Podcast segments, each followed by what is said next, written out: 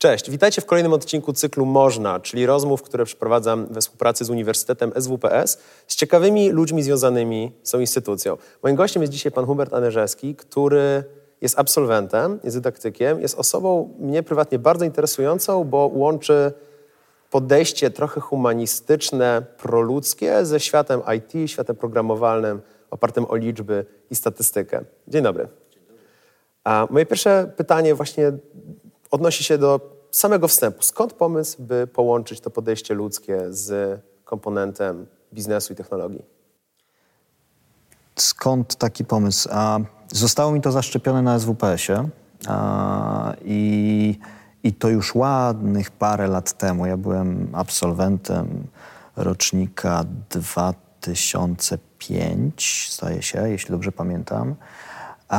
I w tamtych czasach, kiedy powstawał Wydział Społecznej Psychologii Informatyki i Komunikacji, którą rozpoczął profesor Andrzej Nowak, nie wiem na ile teraz związany z uczelnią, a przywiózł taki kierunek ze Stanów. Profesor Andrzej Nowak Wspaniała postać, bardzo inspirująca, świetny, świetny wykładowca. Połowę swojego czasu spędzał w Stanach, połowę spędzał w Polsce. I zaszczepił kierunek, który za granicą nazywa się Human Computer Interaction, HCI. To było takie polskie pierwsze HCI.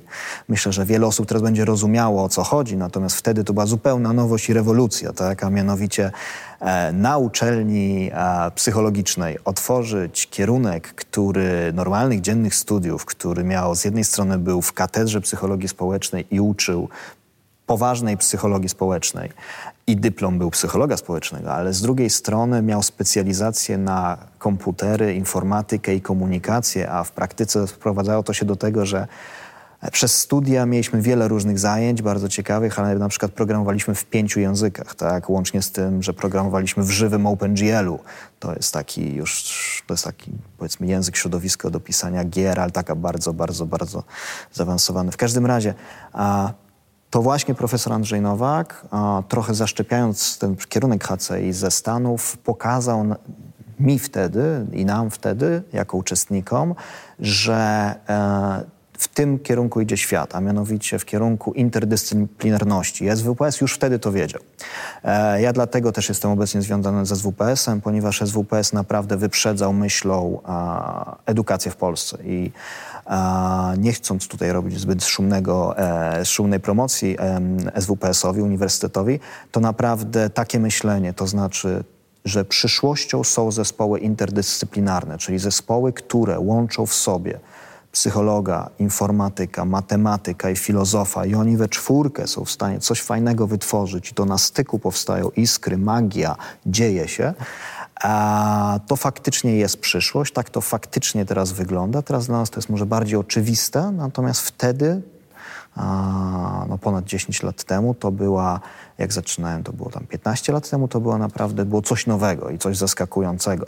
Ale co ciekawe, wiele osób się bardzo z tym utożsamiało. Y, ja byłem takim, myślę, że dobrym przykładem, a mianowicie z jednej strony zawsze lubiłem kontakt z ludźmi i to, co byśmy teraz nazwali takim czynnikiem ludzkich, ludzkim human factors, człowiek, komunikacja, relacja z człowiekiem.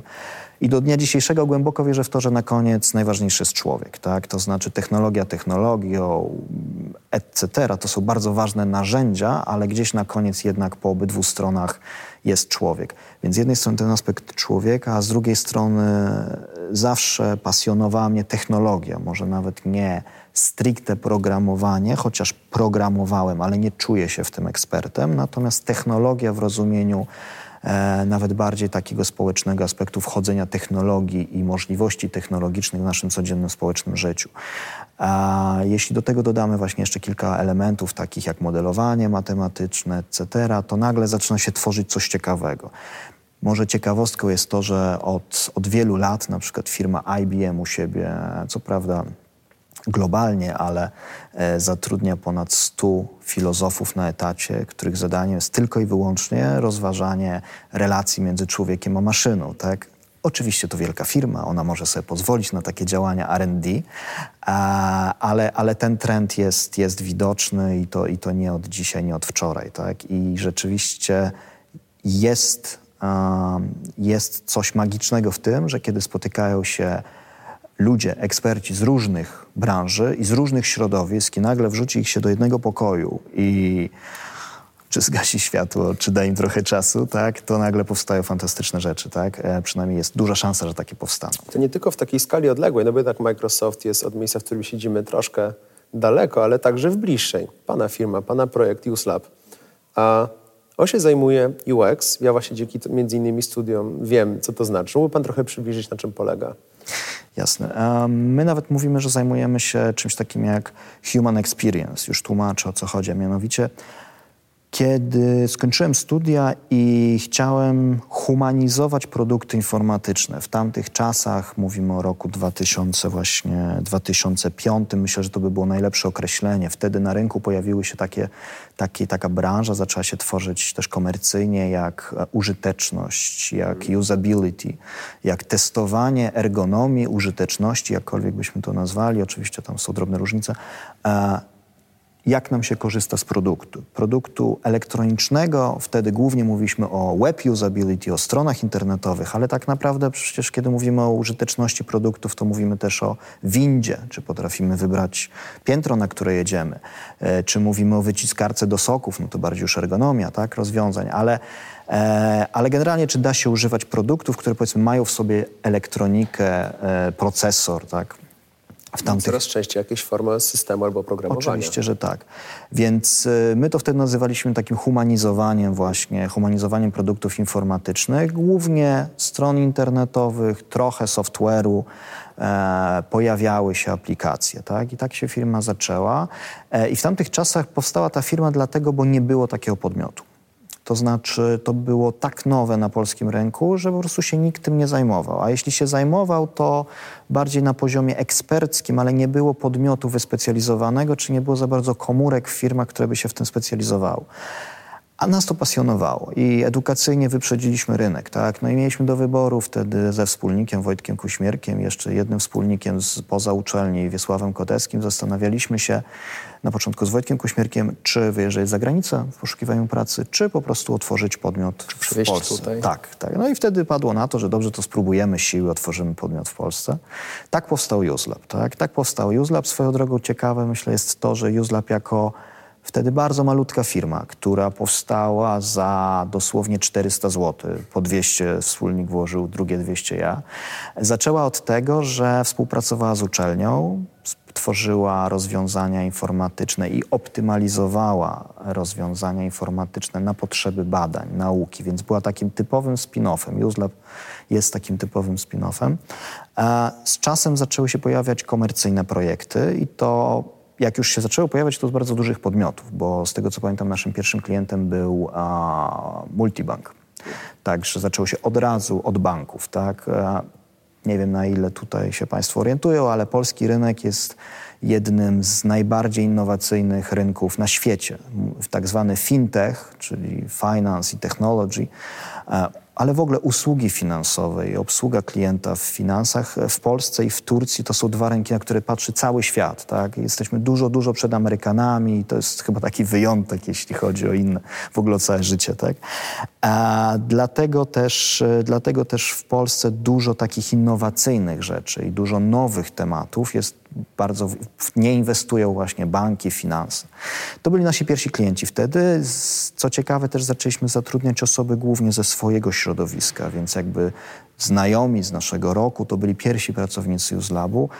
Teraz te osoby się porozchodziły po różnych firmach, ale aż przyjemnie i miło się patrzy, kiedy zaczynaliśmy razem, a teraz piastują bardzo wysokie funkcje w, w różnych organizacjach, korporacjach polskich i zagranicznych tak naprawdę cały czas promując tą samą myśl, tak? a mianowicie tworzenia, z jednej strony tworzenia innowacyjnych rozwiązań e, z obszaru technologii, ale z czynnikiem ludzkim, z aspektem ludzkim, z myśleniem o człowieku i zrobieniem nie dla technologii, a dla człowieka, czyli odwrócenie sposobu myślenia. Wcześniej mówiło się o takim podejściu bardzo technologicznym, tak? Czyli mamy jakąś technologię, jesteśmy technologami, robimy w tej technologii, a ludzie się mają nauczyć, mają, mają się dostosować, tak? Te czasy bardzo już się dawno skończyły, tak? Człowiek ma już tak dużo różnych produktów, szeroko rozumianych technologicznych, informatycznych do wyboru, że to, to teraz technologia, technolodzy, producenci produktów, usług muszą sprawić, żeby ludzie chcieli z tych produktów korzystać. To już nie wystarczy, to już nie są czasy, które były w latach 90. i wstecz, kiedy mówiliśmy o tym, że po prostu produkt wystarczy, że działa. Tak? No bo to był ten poziom za Maslowem, że wystarczyło, że działa i że ma wystarczającą liczbę funkcjonalności. Konkurencja dodawała jedną więcej, tak wyglądała konkurencja na rynku. Tak? Czyli taka konkurencyjność na poziomie technologicznym. Tak? Ta, ta konkurencyjność przesunęła się zupełnie gdzie indziej. Ona się przesunęła właśnie w kierunku doświadczeń, które mają użytkownicy z produktem. Czy pan chce korzystać z tego produktu? Czy ten produkt jest użyteczny w korzystaniu? Czy krew pana zalewa, jak pan włączy ten produkt, aplikację. Bo jeśli tak jest, to pan przestanie z tego używać, tak? Przestanie pan korzystać z tego produktu. A jeśli pan przestanie korzystać z tego produktu, to prawdopodobnie przestanie pan korzystać z, z produktów tej marki, czy tej firmy i pójdzie pan do konkurencji, których, której jest bardzo wiele. A te produkty się wiele nie różnią. Jeśli na przykład powiemy o bankach, to przecież finansowo produkty bankowe się niewiele różnią. Tak naprawdę przyszły czasy bardziej serwisu. Tak? Serwis stał się swoistym produktem. Tak? To znaczy, tak naprawdę e, jedna lokata od drugiej lokaty niewiele się różni w rozumieniu parametrów, tak? ale sposób dostępu, pobierania, obsługa, dostęp do danych, etc to są takie rzeczy, które teraz mają znaczenie. Kiedy zakładaliśmy firmę, nie było jeszcze czegoś takiego jak UX. To może nie wszyscy o tym wiedzą, a to myślę, że taka ciekawostka. Wtedy na, na rynku, na świecie generalnie funkcjonowały bardziej pojęcia, inaczej w Polsce funkcjonowały pojęcia bardziej usability, czyli testowania rozwiązań, sprawdzania, czy one czy da się z nich korzystać i co w nich poprawić, zmienić, żeby były bardziej używalne dla ludzi. Czyli walka o poziom bazowy, a tak, nie o ten ludzki do, wyżej. Dokładnie tak, bo jeśli przypomnimy sobie Maslowa, no to na najniższym poziomie musi działać, no bo jak nie działa, no to, to nie jesteśmy w stanie korzystać. Później jest użyteczność, czyli czy jak korzystam, to jestem w stanie skończyć scenariusz, który zacząłem, no na przykład podjąć tą wspomnianą lokatę, czy kupić produkt w sklepie internetowym, czy dojechać na odpowiednie piętro windą, jeśli nawiążemy do tamtego przykładu. Natomiast wyżej jak idziemy, to pojawiają się już takie smaczki, tak, takie wartości. E, ten błysk wokół, ten uśmiech w kącikach ust, ta frajda z korzystania z produktu. I to jest taki złoty gral, do którego wszyscy chcą dążyć. I tam na końcu właśnie jest UX, tak? Znaczy to jest właśnie ten proces UX-owy, tak? E, samo pojęcie UX wywodzi się oczywiście ze Stanów, z, e, z Doliny Krzemowej, kiedy w latach 90. mówimy o tym, że mm, w Apple'u, kiedy trzeba było zdefiniować, co e, przy produkcji laptopa i oprogramowania, kiedy chcieli zdefiniować, czym się zajmują, a pojęcie interfejsu, i oprogramowania były zbyt e, wąskie. E, więc potrzebne było jakieś większe, szersze pojęcie. E, dlatego UX samo w sobie jest trudno definiowalne tak jakby zero-jedynkowo, ponieważ jest to takie większe pojęcie, w którym mieszczą się różne elementy. Trochę psychologii, trochę technologii, trochę interfejs designu, czyli interfejsów, tak? A trochę logiki, trochę komunikacji, to jest zebrane jakby w UX-ie. Tak? UX to, to generalnie doświadczenia użytkownika w korzystaniu z produktu. To jest taka, powiedziałbym, najbardziej podstawowa definicja, aczkolwiek ona jest miękka. Tak? Ona jest miękka też tak samo jak miękka, miękka jest psychologia jako nauka. Stąd też dużo osób, które zajmują się UX-em, to są osoby, które wywodzą się z miękkich, z miękkich obszarów. Faktycznie są takie dwie szkoły na rynku. Jedna mówi o tym, że UX powinien potrafić programować i wytwarzać produkt. Druga szkoła mówi, że powinien mieć świadomość technologii, ale nie musi programować. A na przykład w Booking.com, kiedy chciałby pan się zatrudnić na stanowisko UX-a, to musi pan kodować front. Nieważne jak, ważne, żeby działał, tak? bo on będzie przepisany, ale żeby mógł pan szybko prototypować. Tak? Natomiast jest wiele firm, które wymaga pojęcia o technologii, żeby prowadzić dialog i projektować rzeczy, które są rabialne, tak? Natomiast zupełnie inne zespoły produkują te rzeczy, tak? Czyli potrzeba UX-a dla UX-a wewnątrz firmy.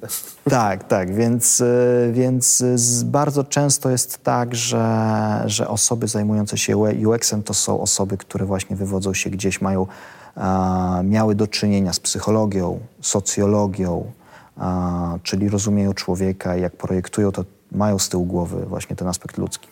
Myślę sporo, szkoląc się do rozmowy z panem, zacząłem się zastanawiać tak we własnym mieszkaniu, jak to wszystko wygląda i zorientowałem się na przykład, że mój ekspres do kawy ma system, ma wyświetlacz, z którym jakby klikam i rozmawiam i nigdy nie zajrzałem do instrukcji. A z drugiej strony mam na przykład drukarkę, która też ma mały wyświetlacz i nie jestem w stanie absolutnie nic zrobić bez instrukcji obok, bo albo papier w drugą stronę zaczyna lecieć, jakieś takie zupełne dziwne przygody. Czego Pana zdaniem najbardziej potrzeba, żeby człowiek dogadał się z maszyną, żeby miał takie poczucie, że rozumiem? Komunikacji. Komunikacji Komunikacja może się odbywać na poziomie werbalnym, może się odbywać na poziomie obrazkowym, może to być biofeedback, a urządzenie może drżeć, błyszczeć, świecić, piszczeć, mówić, różne rzeczy może robić, ale generalnie, żeby była ta komunikacja.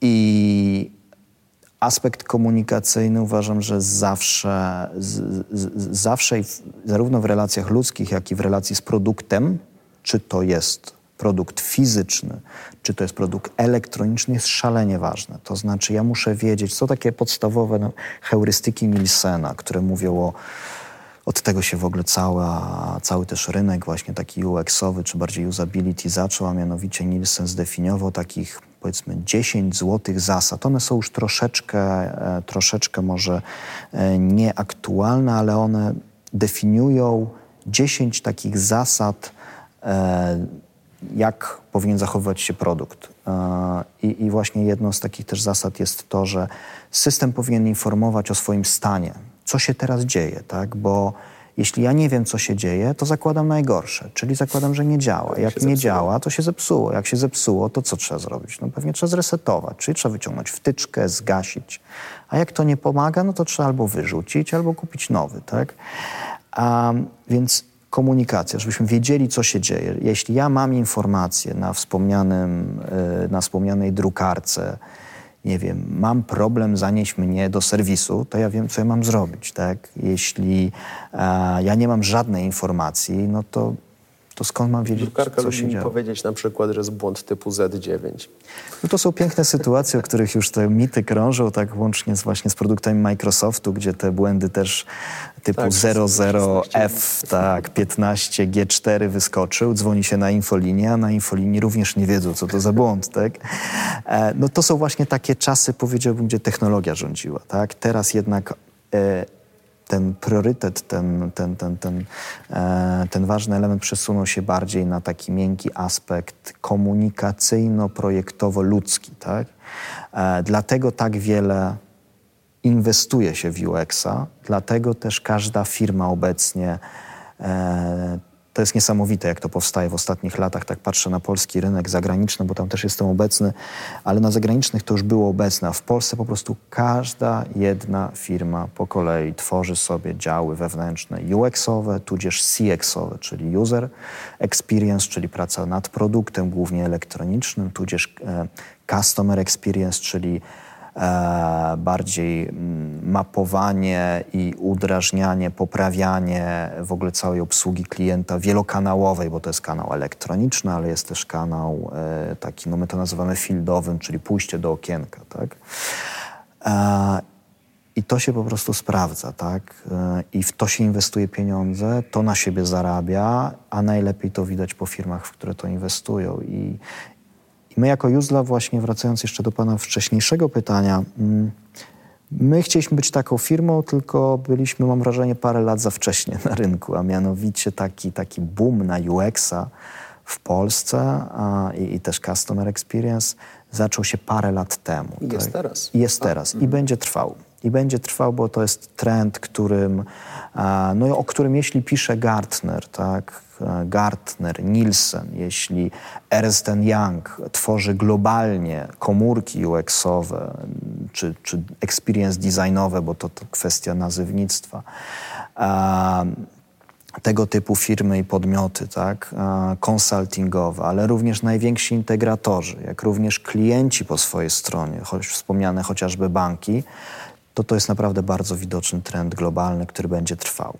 Kiedy się skończy? Ciężko powiedzieć. Wspomniał Pan wcześniej, że bardzo ważne są trzy elementy mm, komunikacja, projekt i ludzie. Interesuje mnie trochę w tym momencie też wnętrze Pana firmy, tego czym się Pan zajmuje. Mianowicie jest jakiś projekt, mm, przy którym są ludzie, zarówno ci bardziej C++, klawiatura i lubię być sam, jak i właśnie ci bardziej obserwujmy ludzi w ich środowisku, zastanawiajmy się, co robią. Jak ich skomunikować? Bo wydaje mi się, że to nie jest najłatwiejsze zadanie. Mówiliśmy wcześniej jeszcze o samym pojęciu user experience, to, to może dopowiem. A w latach 90. Donald, Donald e, Norman wprowadził, wprowadził to pojęcie. On wtedy pracował w, e, w strukturach Apple'a.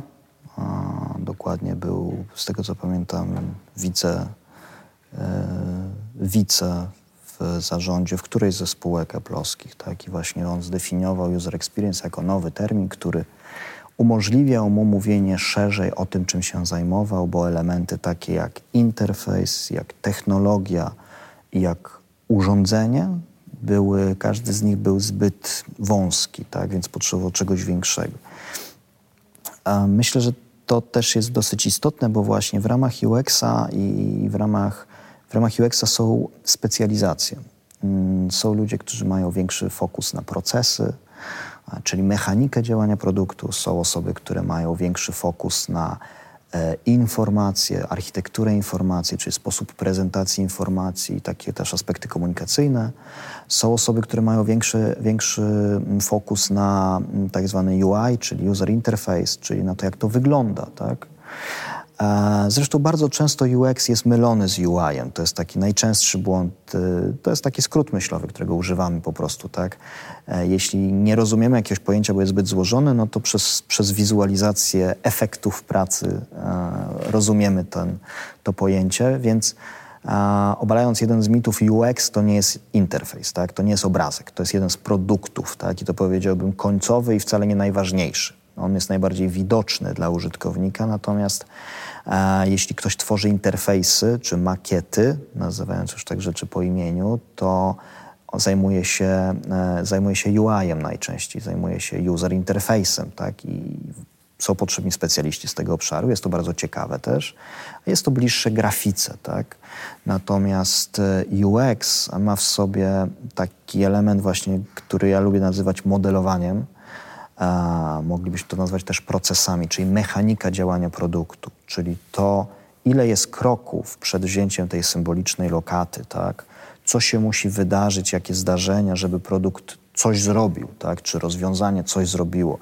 E, bo ta mechanika daje pewien flow. My to nazywamy flow, user flow, czyli taki łatwość skorzystania. Tak? I teraz, jeśli ta mechanika jest fajna, przyjemna, nie jest specjalnie wydłużona, nie jest nudna, nie, nie wymaga ode mnie zbyt dużo energii i tak dalej, to fajnie, to zwyczajowo fajnie mi się z tego produktu korzysta. I wtedy moje doświadczenia są dobre.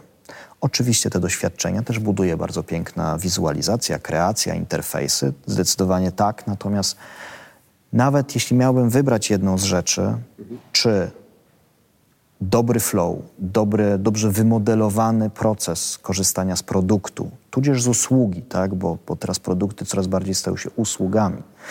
Czy wizualne przedstawienie interfejsu, czy nawet całego produktu, to postawiłbym na to pierwsze, ponieważ pierwsze wrażenia są rzeczywiście z aspektu wizualnego, ale jeśli ja mam z produktu korzystać, zwłaszcza często, to tak naprawdę on może być brzydszy, ale chodzi o to, żeby mi się dobrze z niego korzystało. Tak? I to jest taki element, o którym często zapominamy, tak? czy projektanci też zapominają.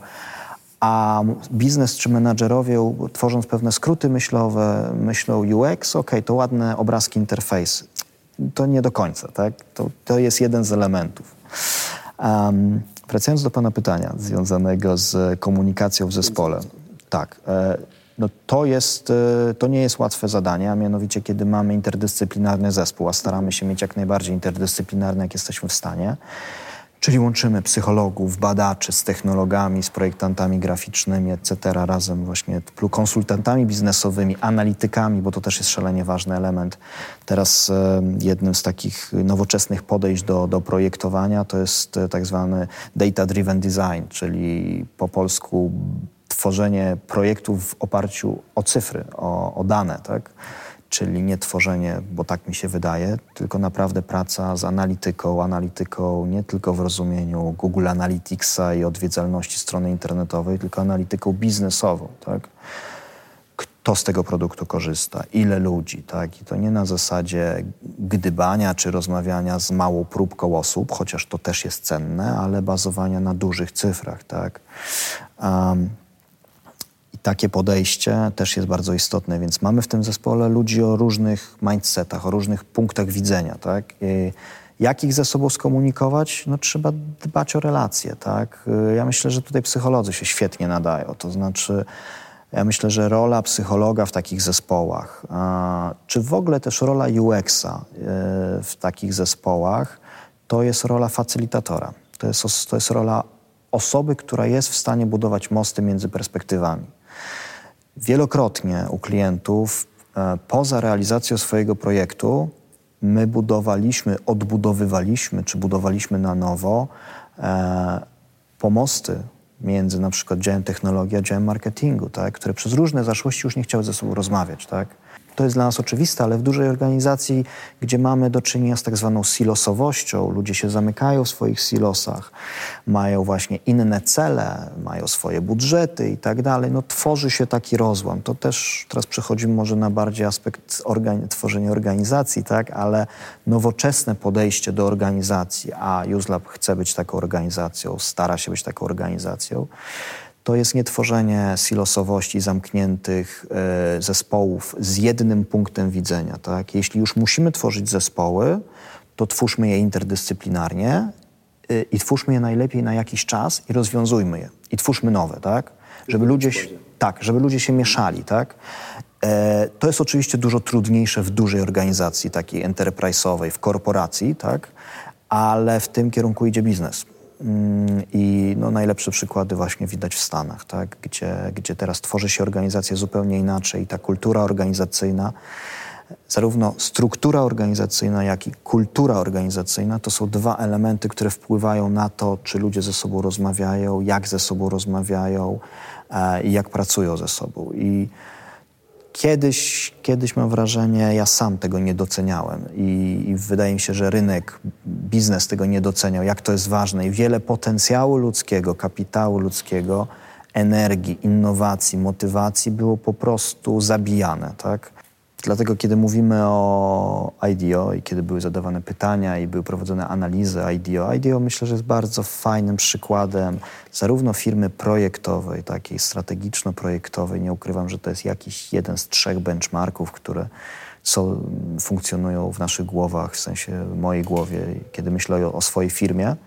E, ale to jest generalnie bardzo taki medialny przykład w ogóle pokazujący przykład, jak tworzyć kultury organizacyjne i kiedy były zadawane zarządzającym pytania właśnie, jak osiągnęliście coś takiego, że jesteście w stanie zaprojektować właśnie praktycznie wszystko, no to oni mówili, że przede wszystkim z dwóch powodów, bo mamy trzech. Mamy kulturę organizacyjną, gdzie ludzie nie boją się mówić, myśleć. To się oczywiście tworzy na wiele sposobów, od kreatywnej przestrzeni zaczynając, to jest bardzo powszechne obecnie, tak? E, przez takie pewne małe mechanizmy mm, spotykania się razem, burzowania, niekrytykowania, etc., etc. Z drugiej strony interdyscyplinarny zespół. Mm, jest taki bardzo wdzięczny filmik, chyba z lat 90., kiedy telewizja, bodajże ABC, przyszła do IDEO i mówi, słuchajcie, jesteście taka wspaniała firma od projektowania, dobrze, to my dla, mamy dla was case, w sensie zadanie. Nie powiemy wam, co to jest, ale zrobimy materiał na, na wasz temat. Macie trzy dni, na, też tam cztery dni na zaprojektowanie czegoś, my wam powiemy co, zrobimy materiał, puścimy to w telewizji ogólnej, tak? No i zobaczymy, czy jesteście tacy super, tak? No i przyszli do nich z, to można znaleźć na YouTubie, przyszli do nich z mm, prośbą o zrobienie nowego projektu wózka do supermarketu, czyli taki bardzo powszechny projekt. Tak? E, no i oni przez trzy dni pracowali, było pokazane, jak pracują. I bardzo ciekawe dla mnie jest to na przykład, jak jest zbudowany zespół. Tam zespół się przedstawia i to jest zespół około 10 osób, gdzie są osoby, które, gdzie jest na przykład jeden z, jeden z projektantów, to jest osoba, która skończyła bodajże biologię, e, trzy razy dostała się na medycynę i zrezygnowała z tej medycyny, bo jak sam mówi ten człowiek, zbyt ciekawe rzeczy się działy w IDEO, więc musiał rzucać studia, żeby iść do pracy, bo tam były fajniejsze projekty. Chodzi mi o to, że zespół był bardzo interdyscyplinarny, tak? Czyli z jednej strony kultura organizacyjna promowana przez zarządzających, z drugiej strony e, bardzo interdyscyplinarny zespół, czyli ludzie z różnych bajek, każdy może coś ciekawego włożyć do, do wspólnego projektu. Um, I z trzeciej strony to jest proces. To znaczy oni są mistrzami, jeśli chodzi o proces projektowy. I na to się kładzie duży, też dużą uwagę, jeśli chodzi o UX, jeśli chodzi o Customer Experience, jak również jeśli chodzi o Service Design. To jest też taki, a, taki ostatnio dosyć e, pięknie rozwijający się, bardzo, bardzo, bardzo szybko rozwijający się obszar a, rynkowy, mówiący o projektowaniu usług całych. Od samego początku myślenia o usłudze, czyli nie samej produkcie, ale o usłudze. Można by o tym bardzo dużo mówić, ale są metodologie, są procesy mówiące krok po kroku, jakie powinny być etapy przy tworzeniu produktu, przy tworzeniu usługi, których nie należy omijać. Tak? Można, z powodu powstały. Tak, można korzystać z różnych technologii, z różnych specjalistów, no ale takie elementy jak na przykład wczesne prototypowanie, wczesne testowanie, tak, wczesne zbieranie feedbacku, są takie etapy, które po prostu e, powinny być. Dla nas dzisiaj może już są to w miarę oczywiste rzeczy, ale na przykład jeszcze 10 lat temu to była w ogóle totalna abstrakcja, tak? Tak zwana Ameryka. Tak, proszę pójść nawet dzisiaj do dużej firmy informatycznej i powiedzieć, dobrze, to my będziemy od jutra rozmawiać z naszymi użytkownikami, tak? I jakościowo zbierać feedback od nich i my ten feedback jeszcze nie tyle zbierzemy, ale my go wdrożymy, tak? I będziemy na nim budować, e, na nim budować rozwiązanie, a nie na opinii na przykład ekspertów z obszaru technologii, których bardzo szanuję. A to jest zupełnie inne podejście, tak? Ale w tą stronę poszedł świat i to wydaje się, że to jest bardzo słuszny kierunek. I kończące pytanie, bo jest Pan w tej branży nie od dziś i wspomniał Pan też, że ta, te technologie nigdzie się nie wybierają, że ten świat przyjął ich istnienie do wiadomości i one się też coraz bardziej jakby, to nie to, że zyskują na znaczeniu jako takim, tylko coraz bardziej się rozprzestrzeniają jako dobra praktyka. A co w takim razie napawa Pana optymizmem w tej wizji? E, najbardziej e, napawa mnie od kilku lat optymizmem to, że jest wspólna platforma do rozmowy. To znaczy, znowu nawiążę do tego elementu komunikacyjnego, który jest dla mnie istotny, a mianowicie, kiedy zakładaliśmy firmę, to naprawdę prowadziliśmy ewangelizację, tak? To znaczy, chodziliśmy do ludzi i tłumaczyliśmy im, że ważne jest rozmawianie z końcowym użytkownikiem że ważne jest przy projektowaniu pomyślenie o ograniczeniach ludzkich człowieka zaczynając od ograniczeń poznawczych, ale też myśląc o ograniczeniach różnych biznesowych, czasowych, etc. Kiedy zaczynaliśmy, to, to brzmiało jak futurologia, tak? a teraz, kiedy, kiedy przychodzimy do klientów, to klienci sami w ten sposób rozmawiają i to nie specjaliści, tylko na przykład menadżerowie, tak? osoby, które nie muszą się na tych, na tych obszarach znać.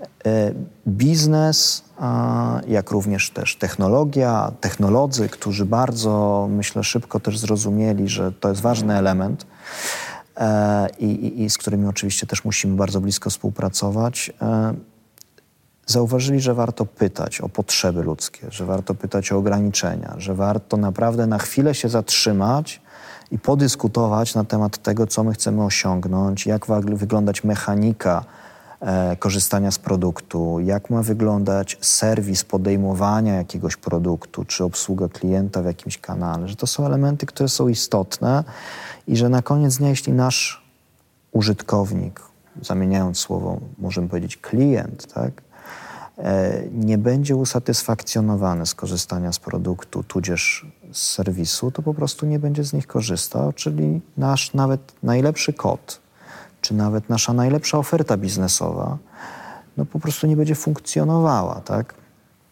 Um, oczywiście te światy się muszą spotkać. Produkt musi być dobry technologicznie, produkt powinien być dobry biznesowo i produkt powinien mieć dobry experience. Ludzie powinni mieć dobre doświadczenia w korzystaniu z produktu, z usługi, w generalnym obyciu z marką.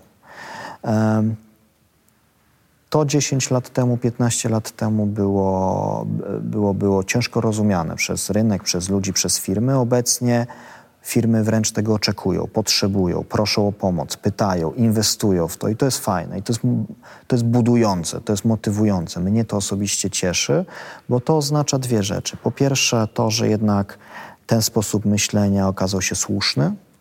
E, po drugie, że świat zaczyna jednak e, dbać o takie elementy. I nawet jeśli dbamy o nie czysto biznesowo, żeby sprzedawać więcej, to jeśli poza sprzedażą więcej. Chcemy, żeby jednak nasz użytkownik, nie wiem, w tym oddziale bankowym, czy korzystając z tego produktu elektronicznego, ma się mniej denerwować, ma być bardziej uśmiechnięty, zadowolony e, i myślimy o nim, e, to ja się z tego cieszę, bo to oznacza, że, że, że idziemy w fajną stronę, tak?